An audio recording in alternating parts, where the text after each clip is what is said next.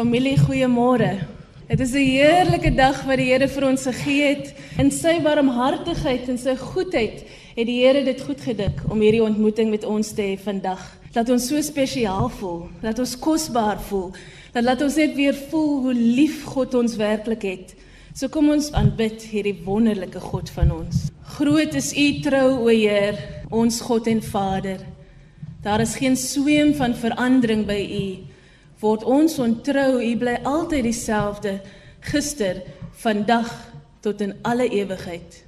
Groot is U trou en daarom vra ons Here dat U verheerlik sal wees in ons midde.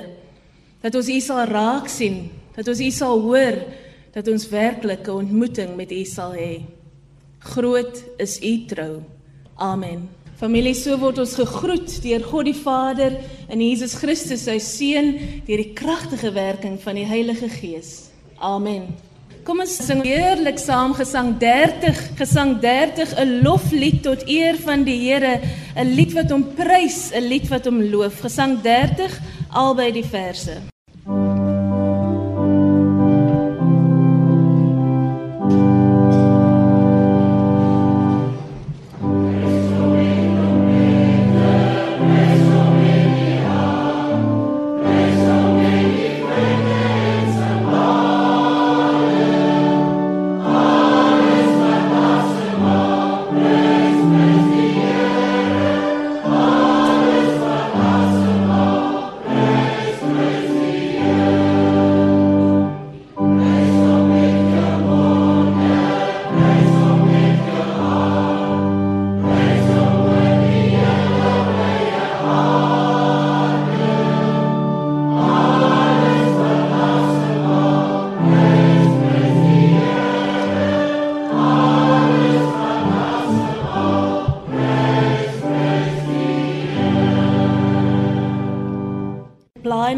Bladsy 186 186 in die gesangboek.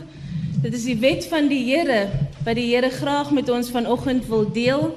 Die wet van die Here responsiewe lesing bladsy 186. Dit gaan goed met die wat onberispelik lewe, die wat wandel volgens die woord van die Here. Laat die woord my op die regte pad hou.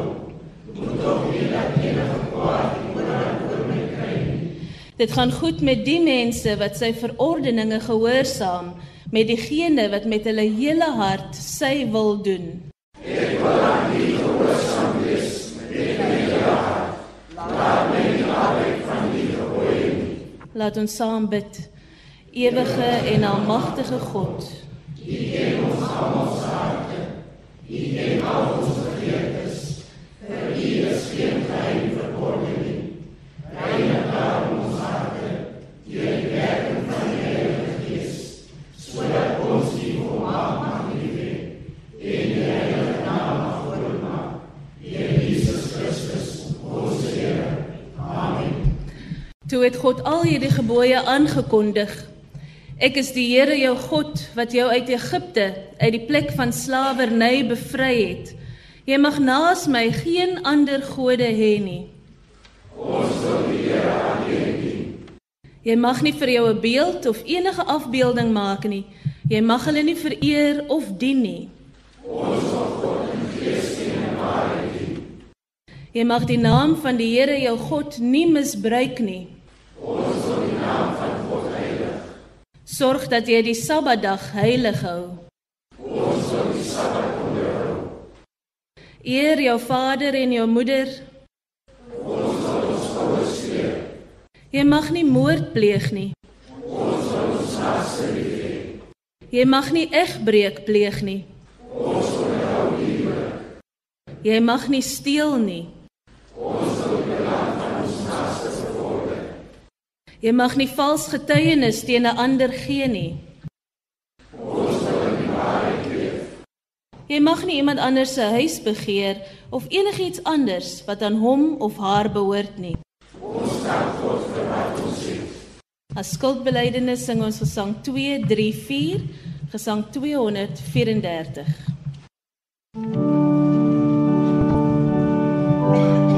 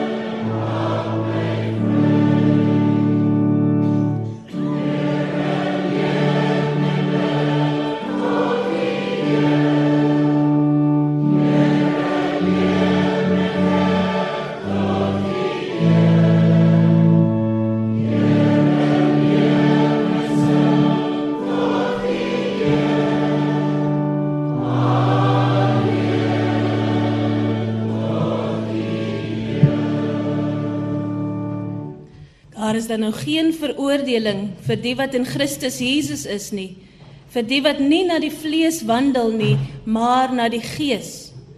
Want die wet van die Gees van die lewe in Christus Jesus het my vrygemaak van die wet van die sonde en die dood. Kom ons bely ons geloof hardop saam wanneer ons sê ek glo in God die Vader. Ja,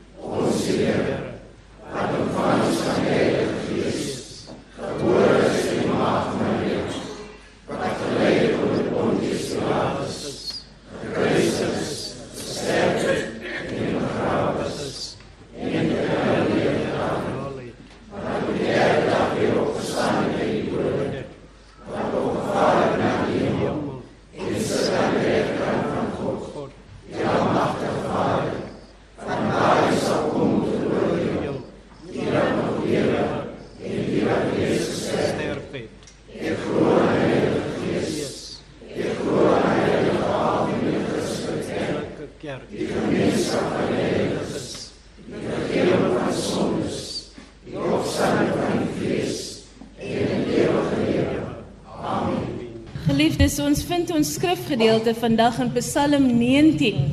Psalm 19 en ons gaan al 15 verse daarvan lees. Psalm 19 is die openbaring in natuur en skriftuur. Kom ons bid nou eers en vra die Here se leiding. Heilige God, U maak die woord vir ons oop. U is die woord. U spreek die woord. Here, ons vra dat ons U woord sal kan hoor, sal kan ervaar sal kan inneem. Ons vra dat u woord 'n tuiste in ons harte sal vind. Wees ons genadig. Lei ons deur die woord. Begelei ons deur die verkondiging daarvan. Laat ons u hoor, laat ons u sien, laat ons u ontmoet. In Jesus naam. Amen. Psalm 19. Vir die musiekleier, 'n psalm van Dawid. Die hemele vertel die eer van God en die uitspansel verkondig die werk van sy hande. Die een dag stort vir die ander 'n boodskap uit en die een nag kondig vir die ander kennis aan. Daar is geen spraak en daar is geen woorde nie, onhoorbaar is hulle stem. Hulle meetsnoer gaan uit oor die hele aarde en hulle woorde tot by die einde van die wêreld. Vir die son het hy daarin 'n tent gemaak. En hy is soos 'n bruidegom wat uitgaan uit sy slaapkamer. Hy is bly soos 'n held om die pad te loop. Sy uitgang is van die einde van die hemel af en sy omloop tot by die eindes daarvan en niks is verborge vir sy hitte nie. Die wet van die Here is volmaak. Dit verkoop die siel. Die getuienis van die Here is gewis. Dit gee wysheid aan die eenvoudige. Die beveel van die Here is reg Hulle verbly die hart. Die gebod van die Here is suiwer. Dit verlig die oë. Die vrees van die Here is rein. Dit bestaan tot in ewigheid. Die verordeninge van die Here is waarheid. Tesame is hulle regverdig. Hulle is begeerliker as goud, ja, as baie fyn goud en soeter as heuning en heuningstroop. Ook word die knegt daardeur gewaarsku En die onderhouding daarvan is groote loon. Die afdwalinge, wie bemerk hulle? Spreek my vry van die wat verborge is. Hou u knegg ook terug van moedswillige sondes. Laat dit nie oor my heers nie. Dan sal ek onbestraflik wees en vry van groot oortreding. Laat die woorde van my mond en die oordeenking van my hart welbehaaglik wees voor u aangesig, o Here, my rots en my verlosser. Tot sover die woord van God. Salig is elk wat hierdie woord hoor en ook hiervolgens lewe. In voorbereiding op die woordverkondiging sing ons nou gesang 32. Gesang 32 al 3 die verse.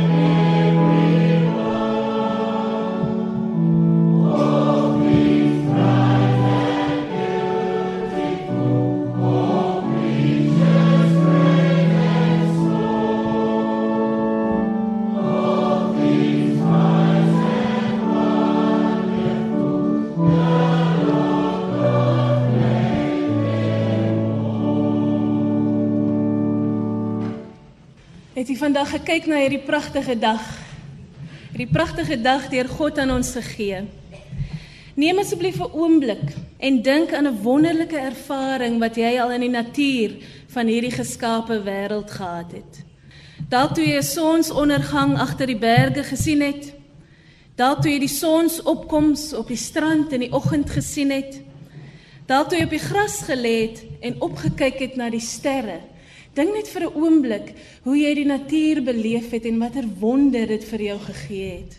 Ek ervaar altyd gedurende 'n staptog in die berge dat ek in die middel van 'n meesterstuk staan, die mooiste skildery waarvan ek deel word. Ek dink dat ons al almal sulke ervarings gehad het waar ons verwonderd gestaan het oor die wonderskone natuur om ons. Maar die waarheid is dat dit dikwels daar stop. Ons stop by eenvoudige bewondering van die skoonheid van die natuur en ons besef nie aldag dat ons 'n kykie kry in die heerlikheid van God nie. Dit is waaroor ons teks vandag in Psalm 19 gaan. Dit begin by die woorde vir die musiekleier, 'n Psalm van Dawid. Dit is belangrik om te besef dat die psalms eintlik liedere is. Die psalms, die boek van psalms, was eintlik soos die gesangboek van Israel. So terwyl ons dit gelees het, is meeste hiervan oorspronklik in musiek omskep. Ek gaan dit nou nie vandag vir julle sing nie, dankie tog. Maar dit is iets om in gedagte te hou. Ons lees dit eenvoudig, maar dit sou oorspronklik gesing gewees het.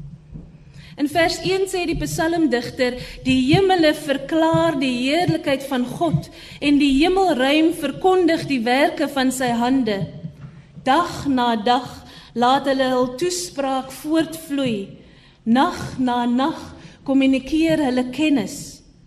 Daar is geen spraak, daar is geen woorde, hul stem word nie gehoor nie." Hul boodskap het oor die hele wêreld uitgegaan en hul woorde na die einde van die wêreld. Die natuur getuig van die heerlikheid van God. Dit is volop in hierdie teks, maar dit is net so duidelik as ons sit en staar na die hemelruim. Tog is hier 'n soort paradoks aan die gang. Aan die een kant sê die digter dat die hemele die heerlikheid van God verkondig. Aan die ander kant sê die digter dat daar geen spraak of woorde is nie. Wel, dit is digkuns. Die digter vang die hart en die gedagtes vas deur interessante taalgebruik. Die waarheid is dat daar nie werklik woorde vanaf die sterre kom nie, maar wat wel gekommunikeer word, is beskikbaar aan alle mense. Almal het toegang tot hierdie vorm van kommunikasie. Dit beweeg verby kultuur en taal en etnisiteit en tyd. Johannes Calvin het gesê dat die nasies van mekaar verskil aangaande taal, maar die hemele het 'n algemene taal wat alle mense onderrig. Dit is waarom Paulus kan sê dat niemand verskoning het wanneer hulle nie vir God aanbid nie, omdat God God se bestaan deur die wêreld heen duidelik maak. Wat interessant is, is die spraak van die natuur. Wat die hemele kommunikeer, wat hulle sê, het 'n tweeledige klem. Eerstens word dit aan God geadresseer. Die hemele loof God. Die tweede klem is dat ons die ontvangers hiervan is. So terwyl hulle vir God loof soos hulle geskape is om te doen, kommunikeer hulle aan ons. Hulle kommunikeer 'n kykie 'n gedeelte van die heerlikheid van God en wat dit vir ons beteken. Ons gebruik vandag baie die frase die heerlikheid van God. Ons is gered vir die heerlikheid van God. Ons doen sendingwerk vir die heerlikheid van God. Ons sing tot die heerlikheid van God. Die vraag is, wat is hierdie heerlikheid van God? Dit is eintlik 'n moeilike konsep. Want die Bybel is nie 'n woordeboek nie. Die Bybel is nie 'n teologiese handboek nie, maar wanneer ons die volle Heilige Skrif in ag neem, kom ons by iets soortgelyk aan wat die predikant John Piper beskryf het toe hy sê die heerlikheid van God is die oneindigende skoonheid en grootheid van God se volmaaktheid. Hoe meer ons God en al God se volmaaktheid verstaan en waardeer en aanbid, hoe meer sal ons God verheerlik. Nou ek wil graag oor vyf maniere gesels waarop die natuur God se heerlikheid kommunikeer. Eerstens, kommunikeer die natuur dat God bestaan. Daar is iemand groter as ons. Die wetenskap wys vir ons dat die heelal iewers in die verlede tot bestaan gekom het en alles wat bestaan moes 'n oorsprong hê. So moet die heelal ook 'n oorsprong hê. Dit moet iets wees wat nie fisies is nie, wat tydloos is, wat kragtig en intelligent is. Dinge kan nie hulle self skep nie. So die eerste waarheid wat die natuur kommunikeer is dat God inderdaad bestaan. Tweedens kommunikeer die natuur dat God magtig is. God het alles wat bestaan geskape. God hou hierdie dinge alles in God se hande. Ons kyk na die oseaan en dink, "Sjoe, dit is massief. Wie kan dit tem?" En tog sal 'n latere Psalm ons leer dat God self die see in God se hande hou. 'n Sin van vrede kom oor ons wanneer ons dit besef, want dan weet ons God is in beheer. Die derde waarheid wat die natuur ons leer oor die heerlikheid van God, is dat God ewig in intelligensie is. Hierdie wêreld is op 'n magnifieke manier fyn beplan vir lewe. Daar is baie verskillende fisiese eienskappe in die fisiese studies van die wêreld. Daar is baie studies wat kyk na hoe verskeie goed mekaar aantrek, soos gravitasie. Daar is diegene wat kyk na elektrisiteit en magnetisme en hoeveel 'n elektron tot 'n atoom aangetrek word. As enige hiervan met 'n breekdeel verkeerd is, sou ons nie hier wees nie. As die buiging van die aarde 'n klein bietjie anders was, sou ons nie hier wees nie. As die aarde net 'n bietjie verder van die son was of 'n bietjie nader, sou ons nie hier wees nie. Dit wys vir ons dat God oneindig intelligent is in hoe God die wêreld ontwerp het en hoe God aanhou om dit oomblik vir oomblik beweging tot beweging te onderhou. Ons sien vierdens die kreatiwiteit van God in die natuur. Dink daaraan Daar is sommige skepsels wat 'n mens dadelik laat wonder, wie sou daaraan kon dink? Waarom lyk hulle so? Daar is net hierdie interessante manier hoe God die wêreld ontwerp het om te werk soos dit werk. Dink aan die plante, hoe hulle gevoed word. Die son, 'n groot ster, voed die plante. Die plante is die longe van ons planeet wat suurstof maak sodat ons kan asemhaal. Hoe wonderlik die funksionering van die lewe. En om te dink, dit is net 'n klein gedeelte van die heerlikheid van God. Die vyfde waarheid wat die natuur kommunikeer, is dat God beeldskoon of pragtig is. Dink aan die beeld waaraan jy aan die begin gedink het, daardie wonderlike oomblik in die natuur. Dink aan die pragt wat jy daar gesien het en besef dat dit 'n kykie is in die ware pragt van God dat wat God geskape het direk na God wys. Maar dit is net 'n skaduwee van die werklike pragt. Dit is 'n voorsmaakie van wat ons werklik sal ervaar as die ware pragt en heerlikheid van God. Ek kan veel meer eienskappe uitlig wat die natuur met ons deel sodat ons die heerlikheid van God nog meer kan verstaan. Dit laat Calvin toe om te sê dat die heelal die teater van God se heerlikheid is. Dit is die verhoog waarop die natuur vir ons speel sodat ons die heerlikheid van God kan ervaar. Want God het ons juis vir God se heerlikheid geskape. Alles wat God geskape het, was om God te verheerlik. Vanaf die grootste ster tot die kleinste elektron tot ek en jy. Ons is geskape om God te reflekteer, om God se beeld te dra, om die bewustheid daarvan te vergroot op hierdie aarde. Oor die son sê die digter dat dit soos 'n bruidegom is wat uit sy huis kom. Nou ons ken baie troues in hierdie tyd. Dink net aan daardie bruidegom, hy's so pragtig aangetrek, hy's trots, hy kom uit sy kamer. Dit is die dag wat die Here vir hom gegee het. Dit is soos 'n atleet wat met vreugde 'n wedren hardloop.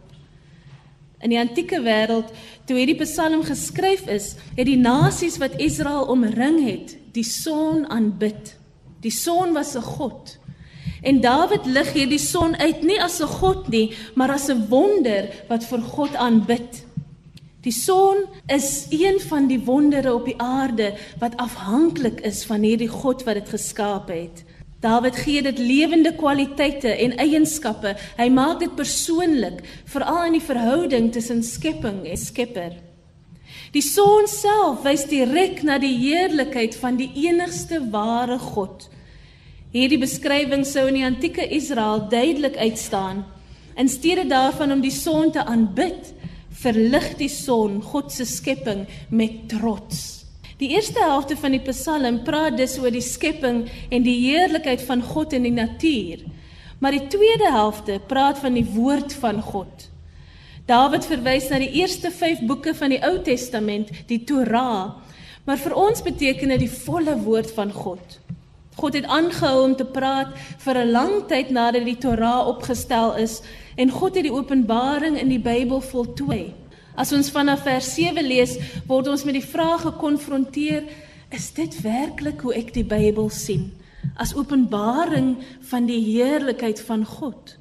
Die psalmdigter sê vir ons dat die woord van God ten minste vier goed doen. Dit vernuwe mense lewe. My vraag is: Vind ek werklik lewensvernuwendende krag wanneer ek met die woord van God omgaan? Ek moet myself konfronteer wanneer ek hierdie woorde lees. Ook maak die woord die onervare persoon wys. Dit is geweldig belangrik vandag wanneer daar 'n tipe wysheid in die wêreld is wat nie goddelike wysheid is nie. Daar is 'n tipe verstaan van wysheid wat Paulus in 1 Korintiërs dwaasheid noem. As ons in die wêreld se oë wys is, moet ons onsself afvra, is dit goddelike wysheid of wêreldse dwaasheid?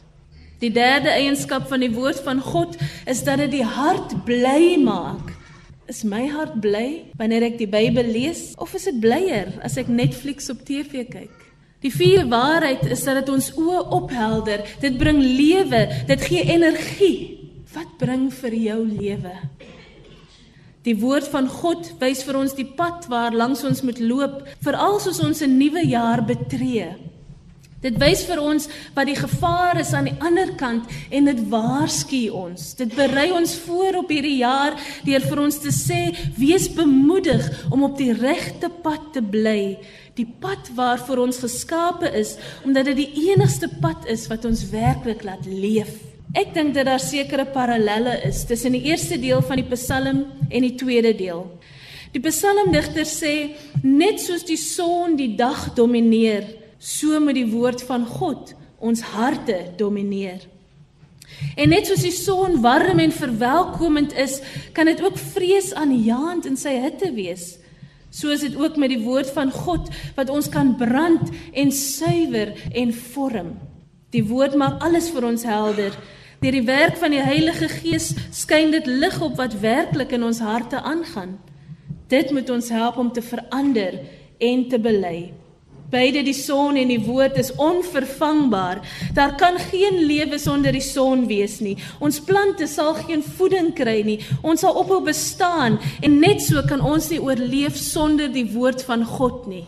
God het die son verlig in die skepping gemaak en die woord verlig in die menslike lewe. Ons gaan nou deur hierdie Psalm vanaf die natuurlike deur die skriftuurlike na die persoonlike beweeg. Vanaf vers 12 kry ons 'n wonderlike model vir gebed in wat ons begeertes en gedagtes van ons harte behoort te wees. Ons kan onsself Christene noem en ons mag dalk slegs 'n naam Christene wees as God nie werklik ons harte na God self draai nie. As ons harte nie vir God klop nie, moet ons onsself konfronteer. Ons leer van die natuur dat ons verskillende wesens is. Ons is geskape wesens. Ons verstaan van die Bybel dat ons eintlik teen God draai en ons leer wat God van ons verwag. Deur hierdie twee openbaringe van natuur en skrif en deur die werk van die Heilige Gees word ons gelei na belydenis en hopelik 'n begeerte om reg te leef. Jy mag dalk wonder op hierdie stadium, wat beteken dit alles vir my persoonlik? Eerstens, vertel die natuur vir ons dat God bestaan. Tweedens, vertel die skrif vir ons wie God is. Derdens, leer ons dat ons net een doel op hierdie aarde het en dit is om God te verheerlik. As dit die enigste punt is wat jy vandag besef, as dit die enigste punt is wat jy vandag onthou, is dit die mees belangrike een. Ons is hier om God te verheerlik. Ons is nie gode nie, maar ons moet die beeld en die heerlikheid van die ware drie-enige God reflekteer, die een wat ons geskape het. Ons moet orde in die wanorde skep. Ons moet floreer in God se heerlikheid. Ons moet God se gebooie onderhou. Ons moet lief hê soos God liefhet. Alle dele van die skepping is gevorm om God te verheerlik. Die sterre doen dit, die son doen dit, die bome doen dit. Die vraag is, doen ons dit? Die hemele verkondig die heerlikheid van God. Verkondig ons die heerlikheid van God? Die hemelruim vertel die storie van God se magnifieke handewerk. Vertel ons dieselfde storie? Ons doel is om te besef dat ons steeds oorlog voer teen sonde en ons sal hierdie oorlog voer totdat God se heerlikheid ons heerlikheid word en ons uiteindelik volmaak maak. Maar ons moet verlang na die dag wanneer God se werk in ons tot volëinding gebring sal word. Dan sal ons uiteindelik ons volle stem by die van die sterre en die heelal voeg wanneer ons saam sing, wanneer ons saam verkondig tot die heerlikheid van God.